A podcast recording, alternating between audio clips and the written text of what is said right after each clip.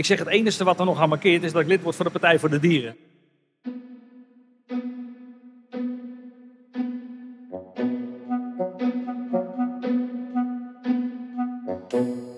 Verbeter de wereld met Vork MS. Mijn naam is Esther Molenwijk en dit is Studio Plantaardig.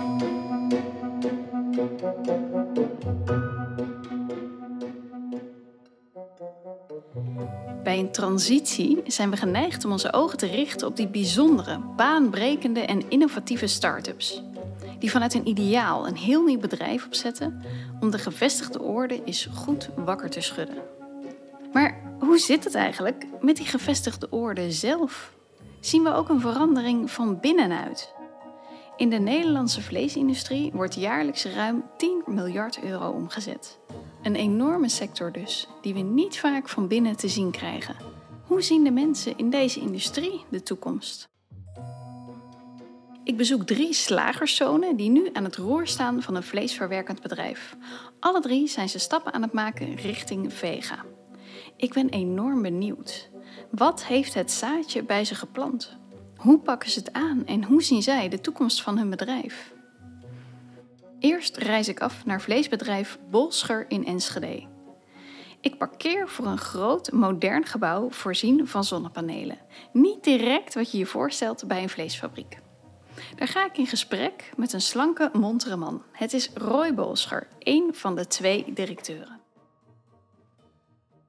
Samen met mijn broer Giel doen wij dit nu al vanaf 2002.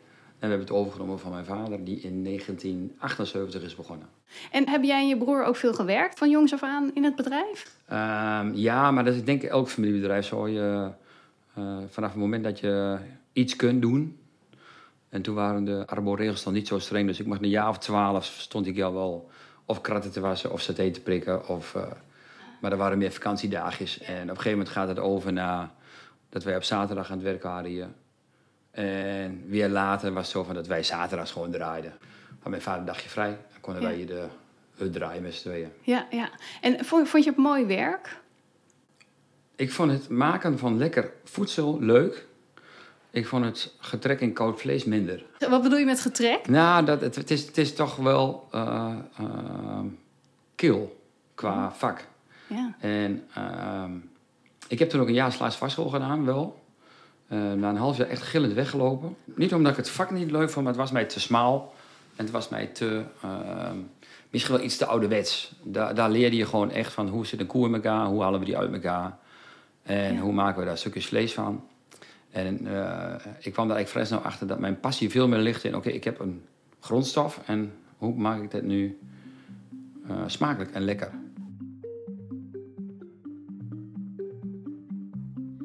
Mijn volgende bezoek is aan Leo Etten, die een vleesbedrijf in Naarden heeft en daarnaast nu ook een vega-bedrijf, genaamd Mind Your Meat. Een joviale, kale man komt me tegemoet en geeft me een ongelooflijk stevige hand. Eerste kop koffie? vraagt hij. We gaan zitten in de kantine en het verhaal begint meteen te stromen. Ook Leo heeft als vanzelfsprekend het slagersvak van zijn vader overgenomen.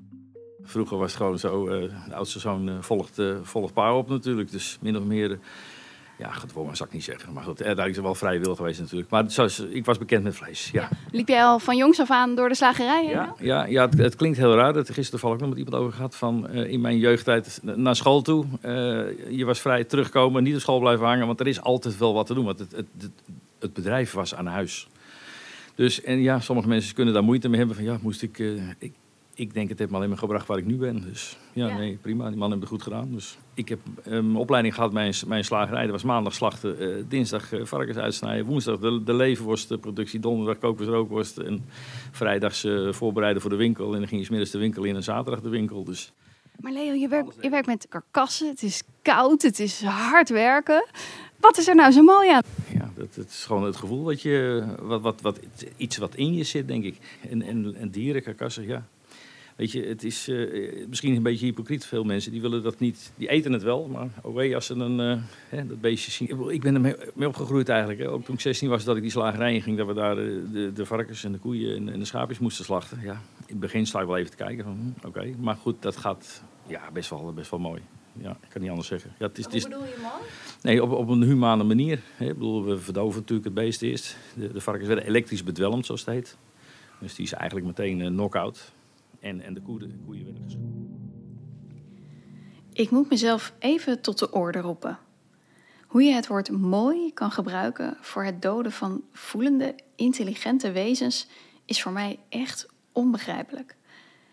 Maar ik ben hier niet voor een lesje ethiek. Ik ben hier om inzicht te krijgen in wat de slagers doen op vegagebied. Eerst is het even goed om duidelijk te hebben: de slager, zoals we die uit de winkelstraat kennen, slacht eigenlijk nooit meer zelf, maar hij krijgt het vlees kant en klaar aangeleverd. Hij krijgt het meestal van vleesverwerkende fabrieken, zoals die ik vandaag bezoek.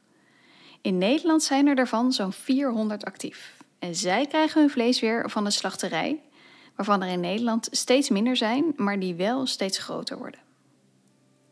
Ook bij Frank Wildhagen in het Zeeuwse Tolen, mijn derde bezoek, komen de dieren niet meer levend binnen. Zijn vader slachtte vroeger nog wel.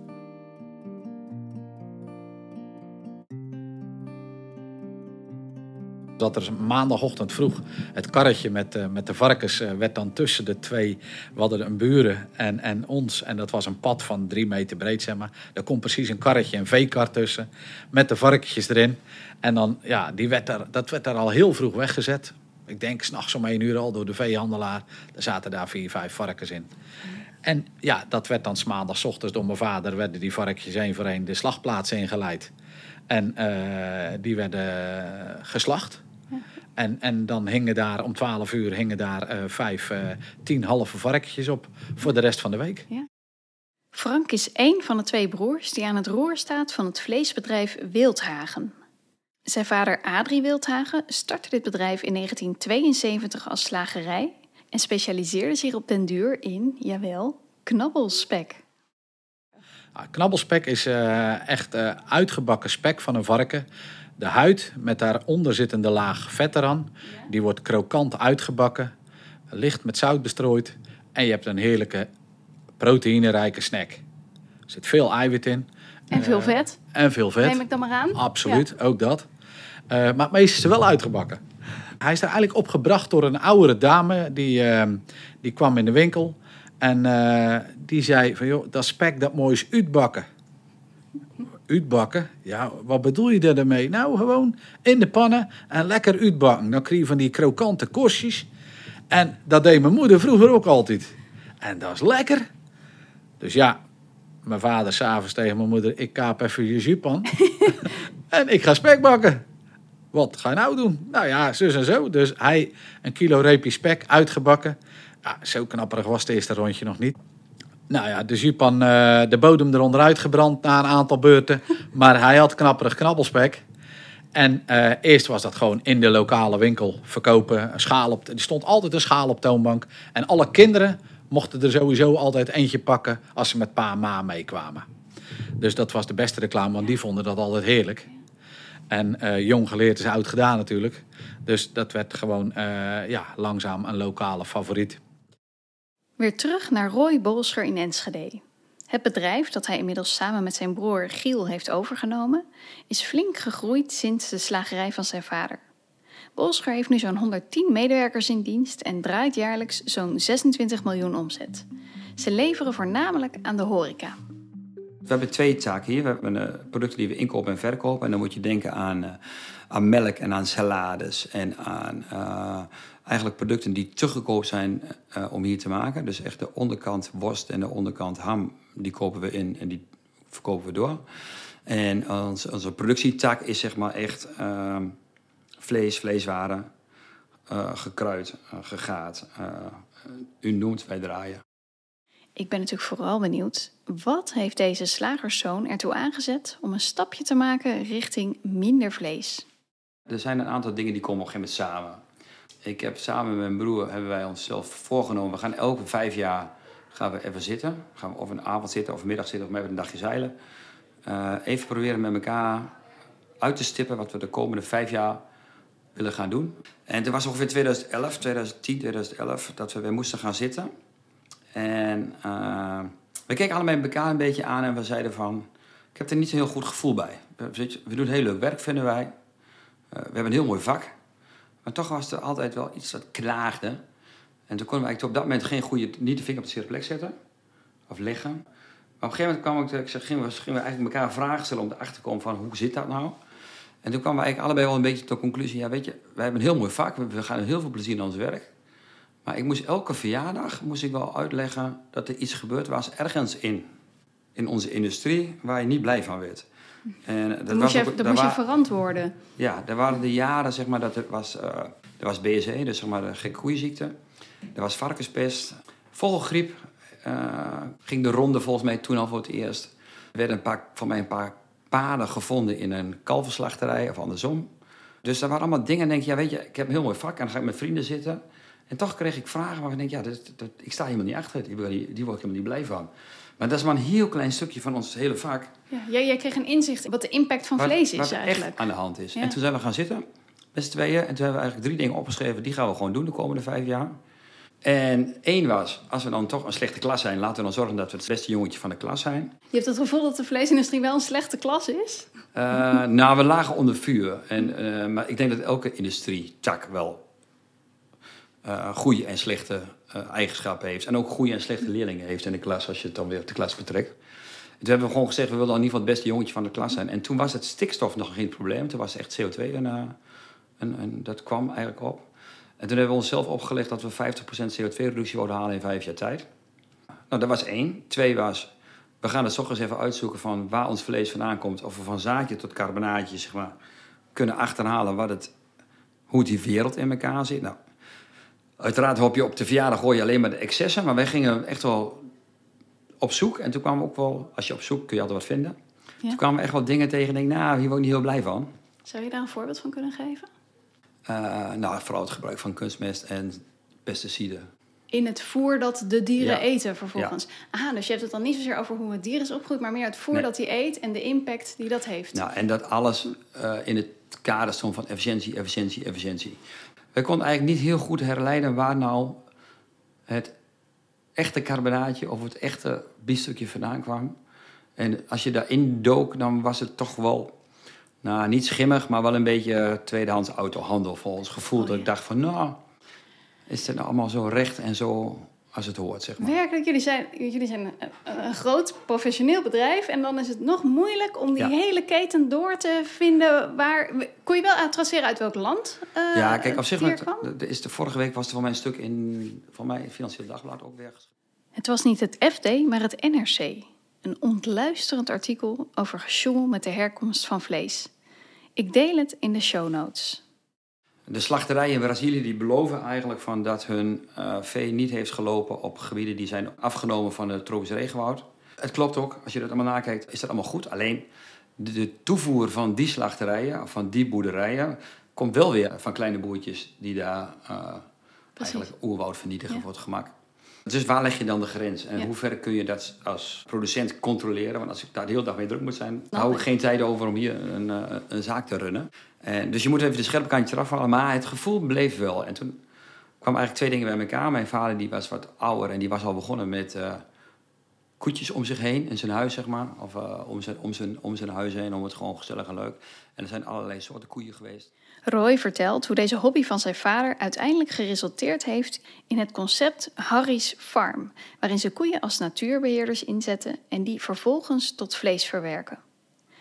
Maar zoals hij zelf al zegt, zet dat qua aantallen nog niet zo heel veel zoden aan de dijk.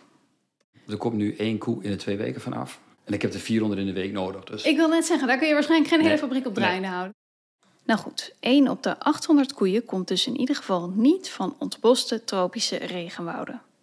Maar hoe dan ook ben ik nog steeds benieuwd naar hoe Bolser de vegatransitie heeft ingezet. Maar ik moet het derde nog even zeggen, want we zeggen drie punten. Het derde punt was, uh, we gaan proberen producten te maken met minder dierlijke eiwitten. En dat was ook zo omdat we toen al een beetje in de, in de, in de gaten hadden dat waarschijnlijk wordt, wordt vlees uh, guilty pleasure op de komende jaren. Een guilty pleasure. Ja, dus het wordt echt duur en het wordt uh, een snoepje voor het gemak. En dan, dan moet het ook iets speciaals zijn. En toen hebben we gezegd, oké, dan gaan we proberen om naast Harry's Farm producten proberen te maken die minder dierlijk eiwit bevatten. En ook heel bewust minder dierlijk eiwit, want ik had die één keer groep in de kantine Vega en dan heb je echt iedereen tegen. En we proberen die middenweg te, te pakken. En ondertussen hadden we geleerd van stapje 1, de CO2-reductie. Dat een hybride vorm altijd een hele makkelijke manier is om mensen mee te krijgen. Dus we moesten hier, we gingen echt niet direct naar elektrische bussen en elektrische auto's. We gingen eerst naar een hybride auto. Konden mensen wennen aan de stekker, konden mensen wennen aan het principe. Dat passen we nu ook gewoon toe bij ons hybride product. En even heel plat, ik heb liever een strookje broccoli dan een soja. Gewoon qua smaak. Dus daarom zijn we met onze hybride product ook echt begonnen met... we hebben nu een burger die is half kip en half broccoli. Aha, jullie hebben geen vervangers zoals in veldbonen, lupine. ehm, Nee. Aha, jullie stoppen eigenlijk gewoon groenten erbij. Nou, dat is dat in het project, dat heet Meet, for- Meet Your Veggies. Daar- Meet Your Veggies. Meet Your Veggies. Ja, dat is bewust. We doen iets gezonds met iets ongezonds. Mhm. Noemen we het even ongezond. En of het nou voor jezelf ongezond is of voor de wereld ongezond is, dat laten we lekker in het midden. Ehm proberen te combineren, want dan... Ons doel is nog steeds een lekker product. En niet een goedkoper product of een product beter voor de wereld... of een product beter voor... Gewoon een lekker product. Leo van Mind Your Meat in Naarden heeft niet zo'n geloof in hybride producten. Ja, nou, daar zijn we ook mee bezig geweest. Eh, voor de Bijenkorf hadden we toen een mooie hybride burger. Maar het is nooit echt van de grond gekomen. Dus ja, dat, we denken toch dat dat het net niet is. Het is, het is of vlees of vegan, zeg maar. Dus, ja, Waarom is dat hybride het niet? Ja, ik, ik weet niet. Mensen staan er een beetje, ja, een beetje vreemd tegenover, denk ik. Hybride. Dan denk je vaak aan een auto die eh, een stekker en, eh, of elektra en, en benzine heeft, zeg maar. Dus denk ik hoor, dat, dat gevoel heb ik een beetje. Maar... Jij denkt dat daar de toekomst niet in zit? Nee, nee, nee, nee, nee.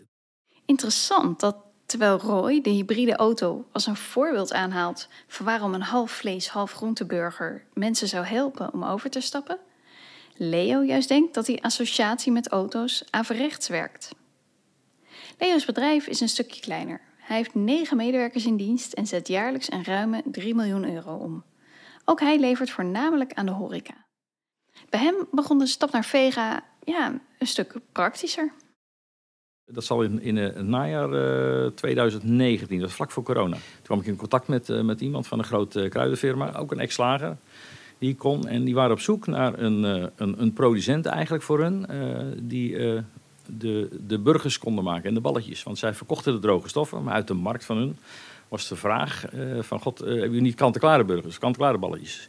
Dus ze zochten een soort partner die dat kon produceren. Nou goed, hij kon mij ik, ik, riep, ik ben slager, hè, dus ik zeg, ja, vegetarisch, dat is toch niks. Tuurlijk had ik het wel eens gegeten. Soms heb je dat wel eens dat je ergens iets... eh, ik was daar niet zo van gecharmeerd eigenlijk. Hij zegt, Leo, hij zegt, ik kom langs, ik neem iemand mee, die kan dat bereiden. Hij zegt, je zult versteld staan. Maar jij had in het begin zoiets van, eh, daar gaan we niet aan beginnen. Nee, ik ben een eigenwijze slager. En dat is wel eens het probleem van slagers, om die proberen over te halen. Om het, kijk, ik zeg niet, ook niet hè, dat je geen vlees moet eten. Maar ik denk als slager is best handig als je wat goede vegetarische producten daar hebt. Want eigenlijk zie je in veel gezinnen dat er altijd wel één of twee zijn, mensen in het gezin, die eh vegetariër zijn. Of, of, nou ja, in ieder geval die eh, minder of geen vlees eten. Dus ik denk, ja, als slager is het best handig als je er ook wat lekkere vegetarische producten in zet. Dus als eigenwijze slager was je toch ook wel een beetje vooruitziend. Eh, nou ja, dat, dat complimentje krijg ik heel vaak tegenwoordig. Goed dat je erin gestapt bent. En, ja, ja, maar ik zou je zeggen, ik vond het zelf ook lekker. Ik was ver- verrast hoe goed dat was eigenlijk. En dan moet ik wel eerlijk zeggen, wij proberen dan wel vleesvervangers te maken. Hè. Er zijn bedrijven die proberen dan die broccoliburger, dat is, dat is ook eh, dat is prima hun eh, business. Wij proberen dan zoveel mogelijk op vlees te laten lijken. Dus, en ik denk dat wij er aardig in geslaagd zijn inmiddels. Eh, We zijn natuurlijk drie, jaar- vier jaar verder. Kijken, 2019. Ja, vier jaar bijna. Dus. De corona kwam natuurlijk in eh, 2020. En ja, ik had niet veel omzet. En ik had er eigenlijk heel veel tijd voor. Dus dat was ook alweer een, een voordeel. Dus ja, dan heb ik heel veel kunnen, kunnen testen op mijn gemak eigenlijk. Hè. Want ja, ik deed de eerste weken grotendeels alleen eigenlijk. Later is, het natuurlijk anders. Want op een gegeven moment was het wel weer los. Dan kon het wel weer een beetje. Dus dat versnelde wel weer.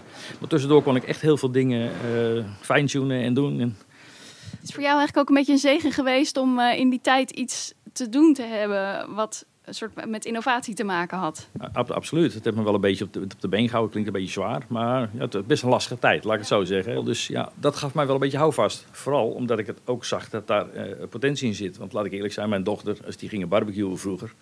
was pa, ik wil eh, twaalf hamburgers hebben en eh, twaalf steetjes en een beetje sperrips. En nu was het van eh, acht hamburgers en dan vier vegetarisch. Ze hebben ook in die, vooral jongelui zijn ermee bezig, hè, met dat hele verduurzamen. En toen dacht jij, dat stukje van de taart wil ik ook meepakken. Nou ja, dat, eh, ja we, we blijven toch ook zakelijk een beetje. Maar het, mooi is, ik vind het zelf ook lekker. Ik eet het zelf dus ook. Echt waar? Ja, serieus, echt waar. Ja, je staat er lachend aan te kijken, maar het is echt zo, hè? Ja. Je slager. En tuurlijk vind ik een echte hamburger vind ik ook lekker. Hè? Dat doe ik ook.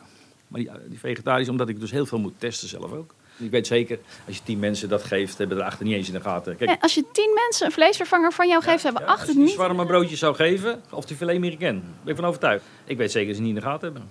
Echt waar. Verleden week hebben we ook een frikandel eh, uiteindelijk een klap opgegeven. Nou, zo moet die worden. Nou, thuis proberen in de airfryer. Kijken of die daar goed in. Die frituur ging het super. Airfryer gaat ook super. Dus, en eh, vrouwen laten proeven. Die, is, die houdt wel van een frikandelletje. Dus nou, dat, dat is leuk. Tijd om de fabriek in te gaan. Ik krijg een jas aan, een haarnetje op, ga door het hele hygiëneprotocol heen en dan leidt Leo me rond. In deze fabriek maken zij mensen zowel vlees als vega en vegan producten, maar de lijnen worden strikt van elkaar gescheiden. Het begint allemaal bij de droge stof. Hier staan eh, onze droge stoffen gekoeld opgeslagen. Vega roze, dat klinkt nog een beetje abstract. Ja, dat, vegaroos is voor ons de varkensversie. Dus, Dat is aha, ja, dat is vega intern, roze. intern hebben we andere termen als naar buiten, want dan weet het personeel waar we het over hebben. Dat het gaat over Kijk, iets wat een beetje een Want varkens daarnaast staat bijvoorbeeld vega rood. Nou, Dat wat, is wat, wat denk jij? dan. Ja, heel goed. Mag nooit meer rijden. Ja. en uh, waar hebben we dan de vega wit of zo voor de kip? Eh, we, gaan even, we gaan even zoeken. Ja, ik weet het ook niet. Dus, eh, even kijken. Dit is dan de droge stof van de kip. Dit, Dit. dit is wat De uiteindelijk... Ja. ja. Dit is wat, wat onze eh, partner zeg maar gemaakt heeft. En Dit wij wordt- moeten hier wat van maken. Dit wordt een kipspiesje ja, en een... ja, eh, ja, ja, ja, precies. aha. En de crispy burger. Ja. Leo houdt een wat grof wit poeder in zijn hand. Als je het leuk vindt, we hebben ook een filmpje van deze rondleiding. Je kan dat vinden op onze website bij aflevering 45. Dus je een soort basis, iets dat elk dier nadoet. En daar ga je mee aan de slag. Ja, ja klopt, Ja. klopt. Om, Ja. om, om, ja, want dat, dat is dus wel eens waar, waar je, weet je, vleeseters ook. Ja, waarom moet het dan een vegetarische schnitzel eten? Verzin zelf wat en zo. Ja, ja, aan de ene kant heb je wel gelijk. Aan de andere kant is het wel herkenning voor mensen van wat het ongeveer is. We duiken de ijskast in, waar Leo me een grote gevulde rol laat zien die eruit ziet als filet américain. Dus dit is rund. Oh, rund. Ja. Ja, nou ja, rund, vegetarische rund natuurlijk. Ja, ik snap het. Je moet de smaak van rund eh, nadoen. Ja, want er zit natuurlijk ook wel eh, eh, een, een flavor in, wat, wat symboliseert het, het, het, het beef, het beef eh, smaak Ja. eigenlijk. Dus En wat is nou het hoofdbestanddeel hiervan in de plantaardige zin? Is dat tarwe? tarwe, tarwe en uh, erwteneiwit eigenlijk. Tarwe en erwteneiwit. Ja, en er zijn wat TVP's toegevoegd om, voor de kleur en natuurlijk voor, om, om daar toch een mooie smaak aan te geven, zeg maar. Dus, ja. En eh, daar maken jullie dan filet américain van, onder andere. Kun je die eens laten zien? ja. Hier hebben we de, de vegan versie. Eh, eh, zakelijk en economisch gezien veel slimmer om meteen te gaan zeggen, de, de vegan versie, daar bereik je een grotere doelgroep mee. En de mensen proeven het verschil niet, echt niet. Wij ook niet. Dus het was wel heel grappig. We hebben vrijdag een week geleden weer wat testsessies gehad eh, op de, bij degene waar we het samen mee doen, bij, bij Degens. Ik had drie soorten gemaakt, filet americain. De originele die we hadden, deze, deze nieuwe versie hier. En de vegan. En gewoon blind. De meesten vonden de vegan versie nog het lekkerst. Dus Werkelijk? Dus de twee eh, jonge jongens waren dat, die productontwikkelaars, die techneuten zeg maar, hè, die dat, eh, al alle stofjes, alle, alle geheimen weten. Die hebben ze erbij gehaald uit de fabriek. Van jongens, kom eens even, proeven jullie eens even. En die waren unaniem ook van die vegan versie is echt lekkerder. Wat hij uit de volgende ijskast pakt, verbaast me wel heel erg. Ehm, hier hebben we een, eh, een, een, eh, een tweede test, vegetarische tonijn. Wacht even hoor. Ja. De- wacht even. De slaag is ook in de vis gegaan. Ja, ja ik, zei, ik zei eerlijk zeggen, ik ben geen visliefhebber. Ik kan niet, ja, natuurlijk eet ik het wel eens, hè, dat moet. Maar ja, nee, ik, ik, En waarom in hemelsnaam dacht je, ik ga ook eens die vis uitproberen? Omdat daar veel vraag was van eh, de leverancier waar ik het mee samen doe. Daar was veel vraag uit de markt voor, voor op eh, grote bedrijven, voor op pizza's, toppings. eh. en ik zou eerlijk zeggen, ik heb het geproefd. En ja, nogmaals, ik ben geen, niet geen visliefhebber, mijn vrouw daarentegen wel. Nou, ze waren echt heel enthousiast, echt waar. Leo's enthousiasme is aanstekelijk. Als een wervelwind sleept hij me door de fabriek en ik krijg product na product te zien. Dit is het deeg van onze vegetarische Bermuda-burger, die we echt eh, eigenlijk heel veel verkopen. Een krokante kipburger. Vegetarische kipstripes, eh, reepjes, hè, waar, je, waar die zwarma van kan maken. Een, een soort vegetarische hotdog op basis van, van de varkensversie.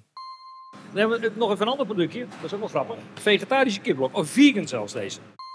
Vegetarische ossenworst. Ik bedoel, we proberen ook de dingen maken die er niet zoveel zijn. Want er zijn heel veel bedrijven die burgers maken en, en worstjes en dat soort zaken. Maar nou, ik, heb ik nog niet gezien eigenlijk. Het zal er misschien best wel zijn, maar ik weet zeker dat wij een veel betere ben ik van overtuigd. Ik ben heel positief over mezelf. Hè? Dus, Van de wervelwind in Naarden springen we weer even terug naar de nuchtere Zeeuwse knabbelspekfabrikant Wildhagen.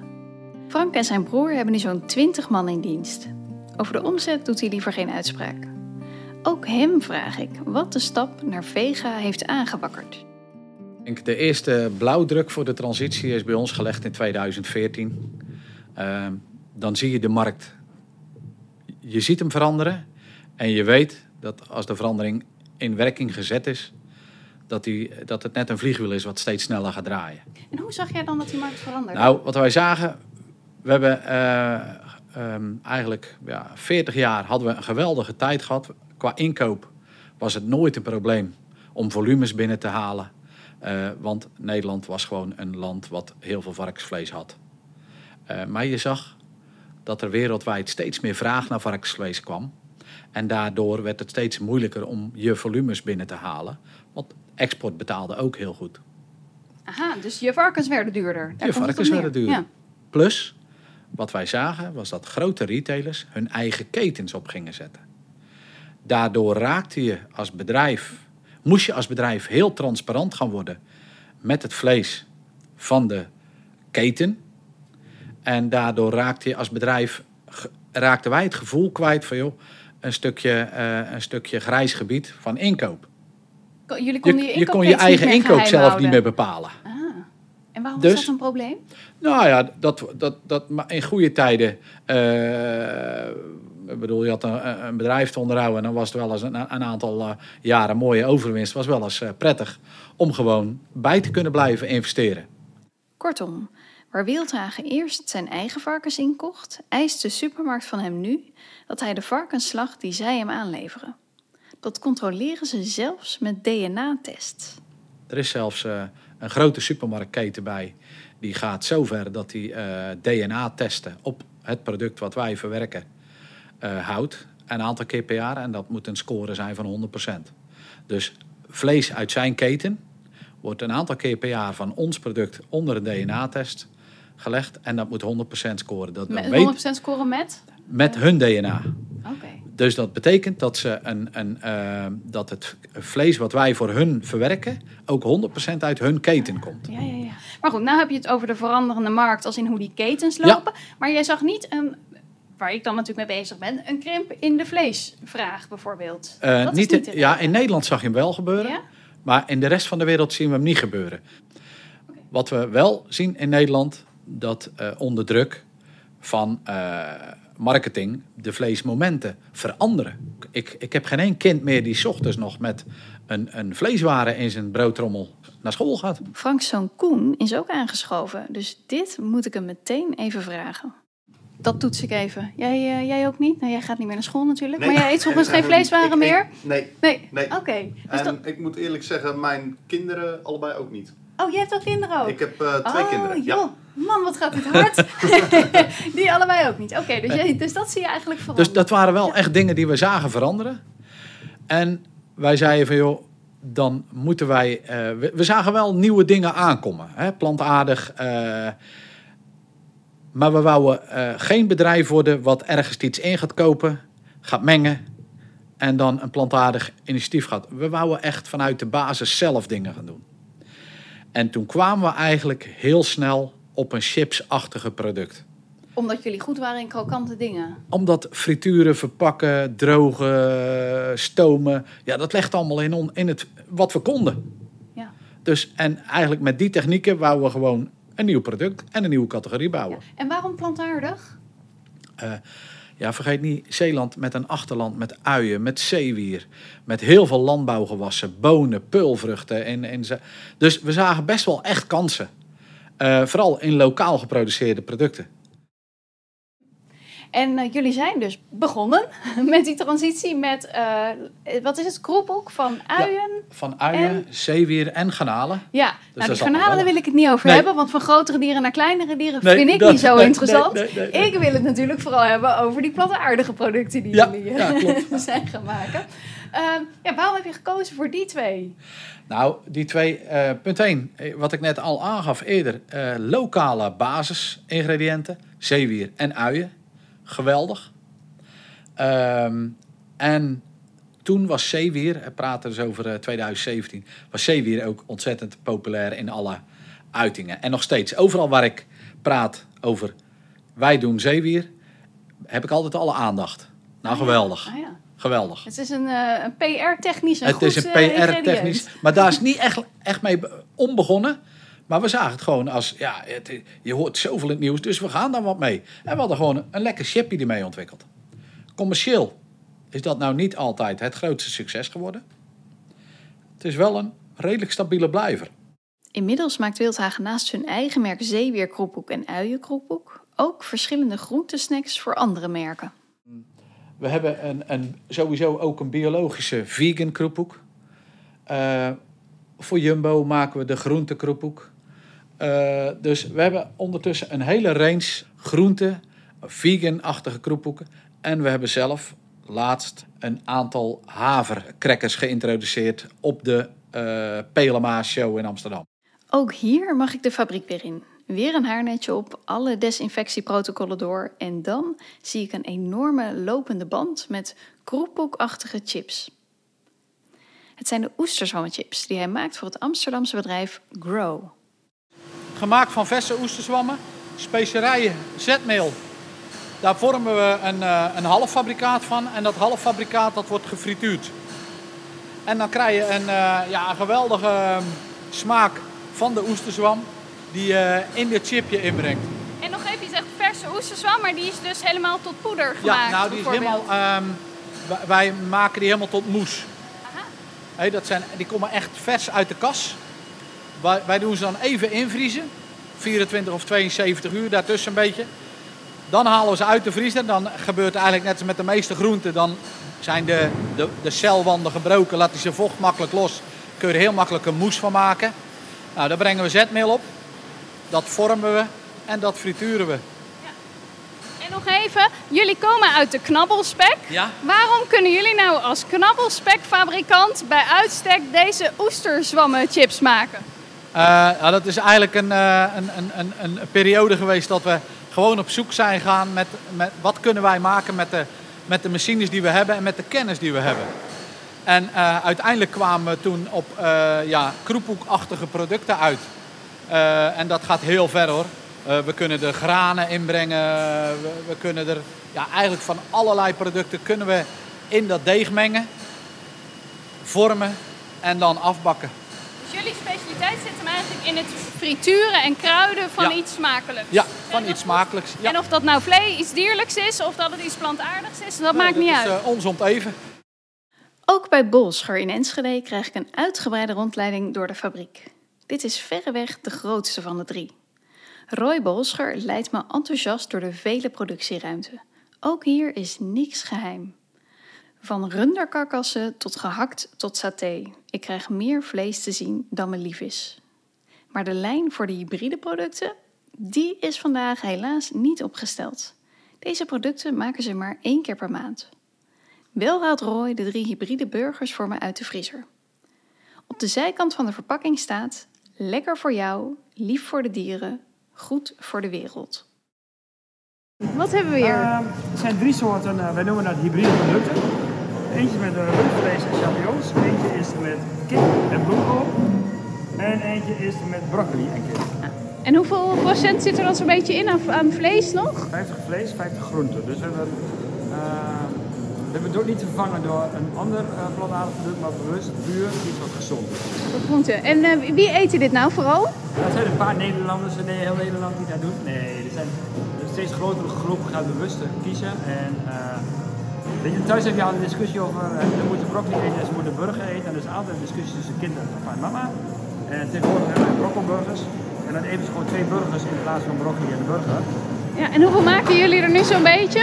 Uh, weinig. 0,001% van de totaal omzet denk ik is, uh, is dit. En wat is het doel? Ik heb daar geen doel in. De, de. De drie hybride burgers, die dus nog voor de helft uit vlees bestaan, vormen nu dus nog maar zo'n 0,01% van de omzet van het bedrijf. Bolscher heeft geen doel om dit te verhogen, maar laat het afhangen van de vraag van de consument. Ik waardeer de eerlijkheid, maar het wringt toch ook wel wat met de ambitie om het beste jongetje van de klas te zijn. Zoals Roy zich in 2011 tijdens de strategiesessie met zijn broer als doel stelde. Wij waaien met de wind mee. Uh, je hebt mensen nodig die, die de knoppen doen er ook gooien om, om iets aan te krijgen. En die kiezen bewust voor Vega. Vivera is bewust. Dus, dus wij zien wel van, weet je, we moeten de wereld wel veranderen, maar ik hoef niet degene te zijn die de knoppen doen er ook gooit. Ik probeer juist, en dat hebben we denk ik wel geleerd van de energietransitie, je moet mensen mee hebben. En dan kun je op één manier vertellen waarom je erover denkt. En jij mag er jouw ding van denken, ik denk er mijn ding van. En we gaan verder. En heel langzaam verandert het dan wel. En heel eerlijk gezegd, we doen het nog steeds nu niet om heel makkelijk of goed geld te verdienen, maar bewust om hoe krijg ik mijn, mijn, mijn, mijn mensen, en dat zijn allemaal vakmensen, uh, betrokken bij lekkere producten maken. En het is voor hun nieuw. Um, ik moet de mensen hier leren omgaan met een plantaardig eiwit. Want de eigenschappen van een plantaardig eiwit zijn vele malen moeilijker dan de eigenschappen van een dierlijk eiwit. Is dat zo? Uh, misschien ook wel omdat het nieuw voor ons is. En misschien omdat de markt nieuw is. Kijk, een biefstuk is er al uh, 300 jaar. Een vegetarisch product denk ik maximaal 25. Dus er zit ook minder kennis en technologie in een plantaardig product. Is dat zo? Laten we eens een stukje de geschiedenis induiken. Vegetarische alternatieven voor vlees worden al beschreven in het eerste Nederlandse vegetarische kookboek uit 1896. Schijnvlees noemde men deze producten, die gemaakt werden van noten, brood, bloem en verschillende kruiden. In de jaren 20 was er zelfs al een industriële plantenrookworst beschikbaar op de Nederlandse markt, geproduceerd door de eerste Nederlandse fabriek van plantaardige delicatessen. Ook vleesloze kroketten, zoals spinaziekroketten en champignonkroketten, worden al sinds het begin van de 20e eeuw als alternatief voor de vleeskroket geserveerd. In 1970, ruim 50 jaar geleden, waren er al zo'n 50 reformwinkels waarin plantaardige vleesvervangers werden aangeboden. Maar wel heeft Roy natuurlijk gelijk dat de mate van ontwikkeling in de receptuur, bewerking en de productietechnieken pas de laatste jaren echt op gang is gekomen. Daarmee is er inderdaad nog een achterstand ten opzichte van de kennis en ontwikkeling in de verwerking van dierlijk vlees. In een krantenartikel dat ik over Bolster tegenkwam, las ik dat er onder de medewerkers nogal wat weerstand was geweest tegen de hybride producten. Ik vraag Roy daarnaar. Maar het is niet echt weerstand, maar het is vooral, weet je, ik geloof wil elk mens niet graag veranderen. En denken van, ja, maar het is toch goed en het is toch lekker. Ik snap het ook van die medewerkers. Iemand die 50 jaar slager is geweest en hier nog een paar jaar moet werken, ja, die heeft niet zoveel behoefte aan om te veranderen. En dat duurt zijn tijd wel. En ik denk als ik in zijn schoenen had gestaan, dat ik hetzelfde zou denken. En er was een hele jonge, een hele jonge uh, uh, vakidioot die opgeleid is als slager. Ja, die moet niet aan zijn vak komen. Bij Leo in Naarden zijn de medewerkers inmiddels aangeschoven in de kantine voor hun ochtendpauze. Terwijl Leo zijn appeltjes schilt, echt waar, zie ik een uitgelezen kans om hen zelf te vragen wat ze vinden van de vegetarische avonturen van hun baas. Moet met de tijd meegaan, hè? En de tijd gaat richting vegetarisch? Ja, blijkbaar. Ja. Maar dat zeg je alsof je het eigenlijk niks vindt. Nee, het is niet mijn ding. Nee? Nee, maar dat weten ze hier ook. Rood is al heel kritisch. Ja. Ja. En, en, en, waarom ben je kritisch dan? Ja, ik vind nergens naar smaak. Misschien vlees, uh, het zit in je hoofd misschien, maar... Ja, ik, werk hier 30 jaar, meer, maar... Uh, ja, het is, uh, het is even wennen. ik denk toch wel dat het de toekomst wordt. Ja? Alhoewel ik zelf ook liever uh, een echte hamburger heb. Je bent een echte carnivore? Ja, eigenlijk wel, ja. Ik denk toch wel dat er wel uh, veel vragen naar gaat worden. En is dat nou een goede zaak? Nou, het zou mij niet uitmaken of ze nou uh, koe meer slachten of minder slachten. Nee. Ik denk dat we over 20 jaar geen koeien meer hebben. Wat zeg je nou? Ik wou even de microfoon een stukje dichterbij. Geen koeien meer hebben? Nou ja, met de stikstof en dat soort dingen. Dat de boeren het heel lastig gemaakt worden. En dat het voor ons straks, denk ik, ook lastig is op varkensvlees en rundvlees en dat soort dingen. Maar ik vind de vegetarische kant wel leuk. Ja? Vind, vind je het ook lekker? Ja. Niet alles, maar wel een heleboel. Een stukje vlees vind ik ook lekker. Maar ik denk dat, uh, dat het straks niet meer te betalen is. Dus je ziet het als onvermijdelijk eigenlijk dat we die kant op gaan? Een beetje wel. Maar ik vind het niet erg. Ik vind het ook wel weer leuk. Weer eens wat anders. Wat vinden jullie nou moeilijker of leuker of ingewikkelder om die vleesvervangers te maken? Nou, moeilijker is het niet. Het wordt alleen maar makkelijker. Het wordt alleen maar makkelijker. Waarom is dat? Nou ja, om uitbeden moet je toch al een beetje ervaring hebben. Moet je toch je, je behendigheid hebben. En zo'n achter zo'n eh, hamburgermachine is eh, een kwestie deeg erin. Ja, en eh, de machine doet het werk eigenlijk. Je hoeft ze alleen maar op te vangen en dat, dat zit. Je hebt er geen slagen meer nodig. Kijk, vlees heb je natuurlijk stukken vlees die je kan pekelen, koken, roken. En ja, wat dit soort dingen is gewoon eh, een, eh, een deegje draaien en eh, Uit de machine laten vormen tot eh, wat je wilt. eh. Je zegt eigenlijk dat de vakmanschap er dan een beetje uitgaat. precies. Precies de juiste woord. Die zijn nu groentespecialist, hè? Ja, Ja, ja kijk. wel ja. Ja. Jullie zijn nu groentespecialist, zegt Leo. Ik bewonder zijn staaltje omdenken. Maar ik snap ook dat het er voor een productiemedewerker niet interessanter op wordt. Aan de andere kant vraag ik me af hoe populair dit zware en toch wel enigszins macabere vak nog is. Ik duik de cijfers in. Het CBS laat zien dat het aantal mensen dat in de vleesverwerkende industrie werkt de afgelopen jaren flink gedaald is. In 2007 waren dit er nog 22.000, in 2021 nog maar 12.000. Ook het animo onder jongeren blijkt af te nemen. Het opleidingsfonds voor het slagersbedrijf waarschuwt zelfs dat er straks te weinig slagers zijn om de bestaande slagerijen draaiende te houden. En probeert met allerlei activiteiten jongeren op school te enthousiasmeren om het slagersmes op te pakken. Weer even terug naar de nuchtere zeeuwen van het knabbelspek.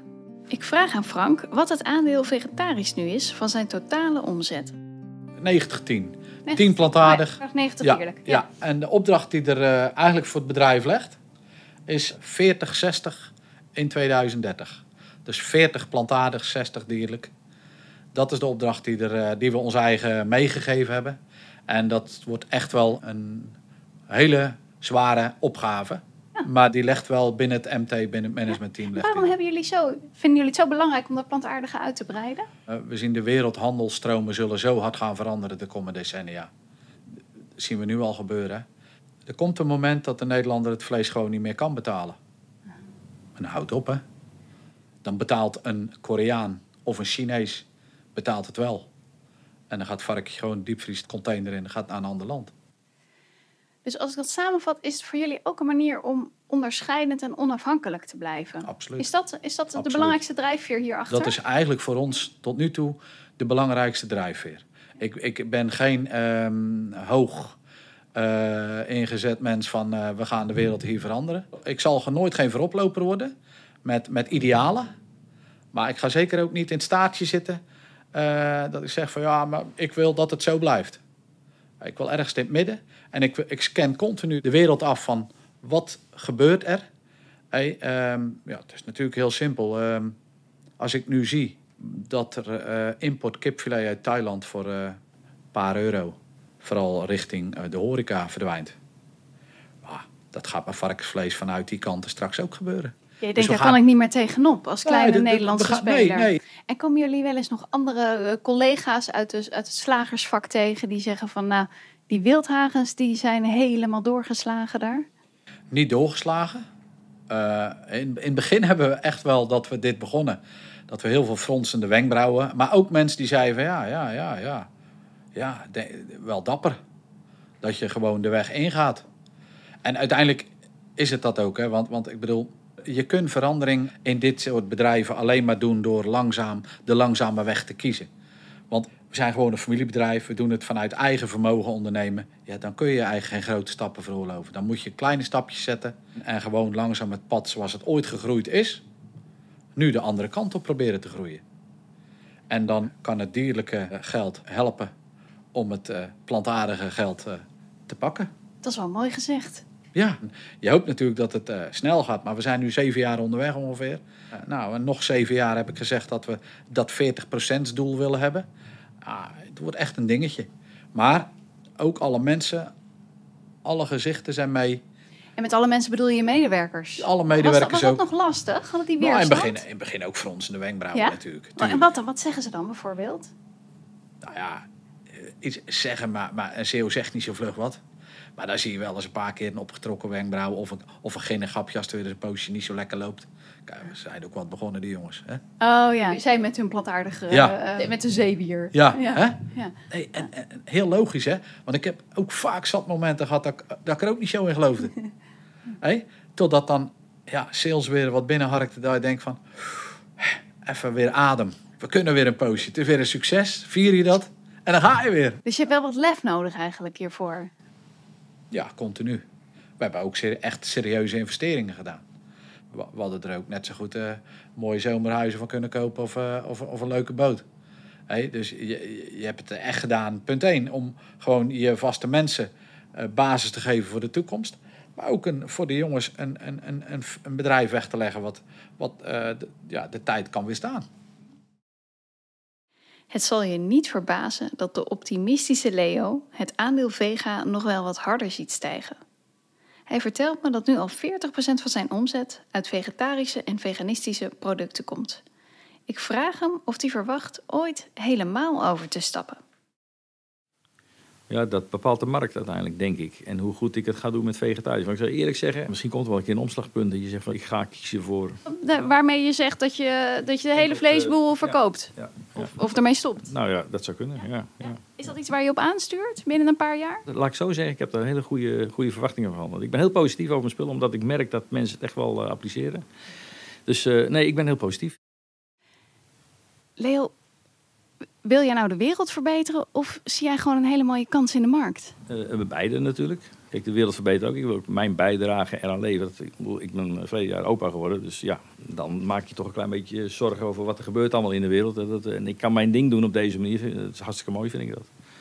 Dus daar ben ik, wel, ik ben er best wel trots op eigenlijk. Ja, Ik zeg het niet vaak, maar ik word een beetje emotioneel van. maar het is wel zo. Zeg het nog een keer. Ik ben er een beetje trots op wat ik doe. Dus eh, mooi. ja, ja dat eh, doet me wel wat. En geloof het of niet, de stoere slager zit opeens met rode ogen tegenover me. Er is natuurlijk genoeg gebeurd het afgelopen jaar met die corona ook. Dat is best lastig. En aan de andere kant was het dus heel mooi om op dit te kunnen doen. Om eh, zo'n stap te zetten. Dus aparte BV voor opgericht. Dus, hè, de, ik eh, ja, ik kan niet anders zeggen dat ik er best wel trots ben eigenlijk. Je confronteert er nu zo mee. Want eigenlijk hebben we het er nooit over zo op deze manier. Zoals wij nu... eh, nee, nee. Wie doet dat? Want waar zit die trots hem in? Ja, geen idee. Gewoon het gevoel dat je, dat je toch iets, iets goed doet. Met zoveel passie werken aan iets goeds. Om je bedrijf bestendig te maken voor een duurzame toekomst. Dat roept natuurlijk de vraag op: hoe zit het met de volgende generatie? Leo heeft een zoon, maar die blijkt zijn vaders werklust niet helemaal georven te hebben. Mijn zoon had ik meegenomen. Ik praat nu over dat hij een jaar of 10, 12 was. Dus nou, op zijn thee prikken, op een kratje, dan kon hij erbij. En, maar op een gegeven moment was hij toch zat. Dat, eh, ik was een beetje te streng voor hem, zei hij. Dus ja, ja. En hoe oud is hij nu? ja, nu is hij 24 en hij werkt hier als chauffeur. Dus, ja, Hij is, hij is toch weer terug. ja, ja, ja, ja. Zie jij dat hij toch ooit op een gegeven moment ook het bedrijf zelf weer ingaat en het van je over zou nemen? Nou, nu niet. Nee? Nee, nee, nee. nee. Dan moet hij, moet hij nog wel groeien. Hoor. Er moet er nog wel wat gebeuren. Maar, maar goed, ja, dat, uiteindelijk bepaalt hij dat zelf. En, eh, het probleem is, hij weet nog niet echt wat hij wil. eh. Ik hij werkt hier nu omdat hij... hij heeft eerst- heeft eigenlijk geleerd voor wat anders. Maar dat beviel hem ook niet. Dus ja, die jongelui zijn allemaal een beetje zoekende. Dat hoor ik wel vaak omheen. Ook, ook zijn vrienden en zo. Er zijn er maar een aantal die echt werk hebben wat ze... Waarvoor ze geleerd hebben wat ze ook doen, zeg maar. Anders zijn we al een beetje... Het is lastig voor de jeugd, denk ik. Van welke kant ga ik op? Wat vind ik leuk? Dat is ook een beetje de jeugd. Het moet wel allemaal leuk zijn, hè, zeggen ze dan. Hè?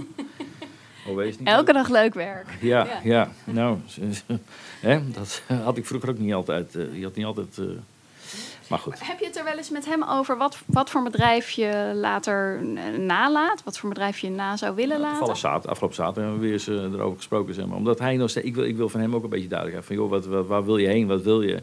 Hij gaf aan van dat hij misschien wel wat meer naar binnen wil. Nou, dat zal leuk zijn als hij binnen wat meer... En dan kan ik hem ook wat meer eh, laten zien. eh, het geheim van de smid. eh. En speelt voor hem dan nog een, rol eh, in hoeverre je meer vegetarisch, veganistische producten maakt of meer vlees maakt? Nee, hij, dat vindt, iets- hij vindt het ook lekker. Ik zou je zeggen, we hadden, eh, de kipstripes in hadden we gemaakt. En eh daar heb ik wat olie in. En dan volgt er weer een enthousiast verhaal over hoe lekker die vleesvervangers wel niet zijn. Ook aan Roy Bolscher in Enschede vraag ik hoe het zit met de opvolging. Het ontbreekt hem en zijn broer in ieder geval niet aan nakomelingen. Ik heb drie kinderen. Mijn broer heeft ook drie kinderen. Dus we hebben theoretisch zes opvolgers. Ik ben eigenlijk vrij makkelijk en vrij duidelijk naar de kinderen. Ik zeg eerst doen uh, wat je leuk vindt. Als je nou 28 of 30 bent en uh, onze paden kruisen, zal ik er alles aan doen om het hier passend te maken, zodat het overneembaar is. Maar je moet eerst je hart volgen, want als je niet iets doet wat je leuk vindt, word je nooit de beste erin. Dus op dit moment zijn ze nog niet heel betrokken in het Nee, bedrijf. de oudste is 22 van de hele club en de jongste is 15. Aha. Dus we hebben nou 15, 16, 17, 18, 19, 20, 21. Ja. Oh ja. En, en hebben jullie het met die generatie al wel eens over waar het bedrijf in de toekomst naartoe gaat? Uh, nee, niet specifiek. Uiteraard zal op elke keukentafel zal het altijd gaan over voedsel. Ik heb nog nooit een gesprek meegemaakt dat het niet ging over eten. Maar niet speciaal over uh, waar wij heen gaan of heen moeten. Die maar die transitie naar meer plantaardige producten, dat is nog niet iets wat speelt bij jullie kinderen? Uh, nee, ja, ze vinden pizza lekker. en ze loopt heel plat. En dan zeggen ze, papa, we gaan pizza's bakken. Ze goed, je regelt jij de rest. Regel ik wel uh, de kipstukjes erop en de salami erop. En we maken lekker eten en daar gaat het uiteindelijk om. En of er nou 10% of 50% vlees in ons menu zit, vinden we niet zo spannend. In Zeeland zijn de twee zonen van Frank inmiddels beide volop aan het werk in het bedrijf. Koen hoorde je net al even. Hij is 26 en werkt in de verkoop. Misschien weet je nog dat zijn vader zei dat hij koerst op 40% plantaardig in 2030. Ik ben benieuwd of Koen al een stapje verder kijkt. Laten we hem even doortrekken naar 2050. Eh, Hoe ziet het er dan uit? 2050? Um, ja, dat, uh, dat vind ik uh, heel lastig. Kijk, als vlees, uh, als die 5 miljoen varkens waar we het eerder over hadden er dan nog zijn in Nederland, dan uh, eigenlijk ons hoofdproduct wat mijn opa heeft opgestart, uh, ja, willen we dan ook voortzetten. Maar dan zal het geen 60% meer zijn, dan wordt, is het een bijproductje. Ah, dan, dus dat dan, is dan wel het doel. Dan wordt plantaardig jullie hoofdproduct en hebben jullie ja. als specialiteit nog een paar exclusieve varkensknabbeltjes. Ja, precies. voor de mensen, ja, toch voor de liefhebbers, zeg maar. Ja. Ja. Ik denk dat ik er zelf dan ook nog wel van blijf weten. Aan zijn vader vraag ik wat hij zou zeggen tegen collega-vleesverwerkers die het vegapad nog niet ingeslagen zijn. Kies hetzelfde pad, begin nu. Doe het in kleine stapjes. En uh, geniet er vooral van. Ja, is het ook een beetje genieten? Ah, ja, absoluut. Waar geniet je van dan? Ja, gewoon uh, de, de, de, de successen die je haalt. De klanten die je binnengehaald hebt de, de, af en toe weer het mailtje wat je toch van iemand krijgt van geweldig, heerlijk, lekker. Leo aarzelt eerst, maar zegt vervolgens eigenlijk hetzelfde. Nou, doe het niet, laat Leo het maar doen. Ik koop het bij mij. Heel goed, je blijft de zakenman. Ja, ja, ja ik, bedoel, ik heb daar heel veel tijd en energie in zit. Nee, maar grijp je, denk na en grijp je kans. Want het, het is zo mooi om te doen, echt. Ja. Natuurlijk ben ik ook benieuwd hoe de slagers kijken naar het houden en doden van dieren. En of hun blik daarop veranderd is door hun stappen in deze transitie. Ik stel de vraag aan Roy Bolscher. Het wordt mij best vaak gesteld en ik heb eigenlijk geen goed antwoord. Um, we zullen deze wereld moeten voeden, anders krijgen we oorlog. En uh, daar moet het ten alle tijde voorkomen. Of het zo ver moet gaan mm, dan dat we nu doen, dat we het 100% houden om uh, daarna te verorberen, uh, daar ben ik het niet mee eens. En ik geloof dat er een tussenweg is. Alleen we hebben geen. We zijn eigenlijk te laat, of ons, de wereldbevolking is te groot om daar nu rigoureus wat aan te doen. En je zult dieren altijd houden om uh, een stuk een land te moeten onderhouden. En als ze er dan uitvallen, ja, waarom zou je ze niet opeten? Okay. We kunnen ze ook wel ondergrond stoppen, maar dan hebben we nog meer ruimte nodig, want dan hebben we begraafplaatsen nodig de wereldbevolking te groot om rigoureus iets aan onze vleesconsumptie te doen? Volgens mij is die zo groot dat we daar juist rigoureus iets aan moeten doen. En als we al dieren nodig hebben om stukken land te onderhouden, dan is dat in ieder geval nog maar een fractie van het aantal dieren die we nu in de veeteelt houden. Leo, die trouwens nog net als de andere twee slagerszonen nog bijna dagelijks vlees eet, beseft toch dat zijn houding wel verandert. Dat is wel heel grappig. Gisteren ook weer een evenementje met vrienden. Zijn we. Zeggen ze, jeetje, als je vijf jaar geleden had geroepen van Leo, jij eh, gaat vegetarisch doen. Ik, ik rij elektrisch, ook zoiets hè. Ik heb zonnepanelen thuis. Ik zeg het enige wat er nog aan markeert is dat ik lid word van de Partij voor de Dieren. Dat, Ben je nog geen lid? Maar hoe- hoeveel jaar geven we dat nog, Leo? je ziet hoe veranderlijk ik ben. dat kan maar zo hè. Wat een heerlijk antwoord, hè? Op weg naar huis overvalt me opeens een enorm verlangen om 15 jaar in de tijd vooruit te gaan. Om deze drie slagerszonen dan weer op te zoeken en te horen hoe ze er dan voor staan en hoe ze terugkijken op hun antwoorden van vandaag. Wat me opviel is hoe alle drie de slagerszonen zonder aarzelen mee wilden werken aan een podcast die toch, nou ja, er niet is om hun branche een lintje te geven. Ik werd overal hartelijk ontvangen en heel open rondgeleid. Hoewel alle drie de slagers zagen dat onze vleesconsumptie onvermijdelijk zal gaan dalen, zeiden ze daar stevast achteraan dat het vooral niet hoeft te stoppen. Minder, maar beter. Dat lijkt het credo in de branche.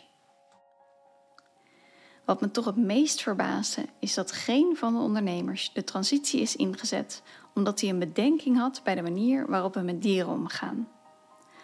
Alle drie vonden ze dat ze een mooi vak hadden. Maar ja, wat vraag ik dan eigenlijk aan mensen voor wie vlees al hun hele leven de normaalste zaak van de wereld is? Bij wie het beroep letterlijk van vader op zoon is gegaan. Misschien had ik wel ietsje te veel op poëzie gehoopt. Het is verleidelijk om te wensen dat mensen niet alleen de goede dingen doen, maar ook nog eens dat ze die doen om de juiste redenen. Beter kan ik pragmatisch en hoopvol zijn. Er is iets aan het veranderen en daar draait het om. En wie weet geldt ook hier wel dat de technische revolutie de morele revolutie vooruitgaat.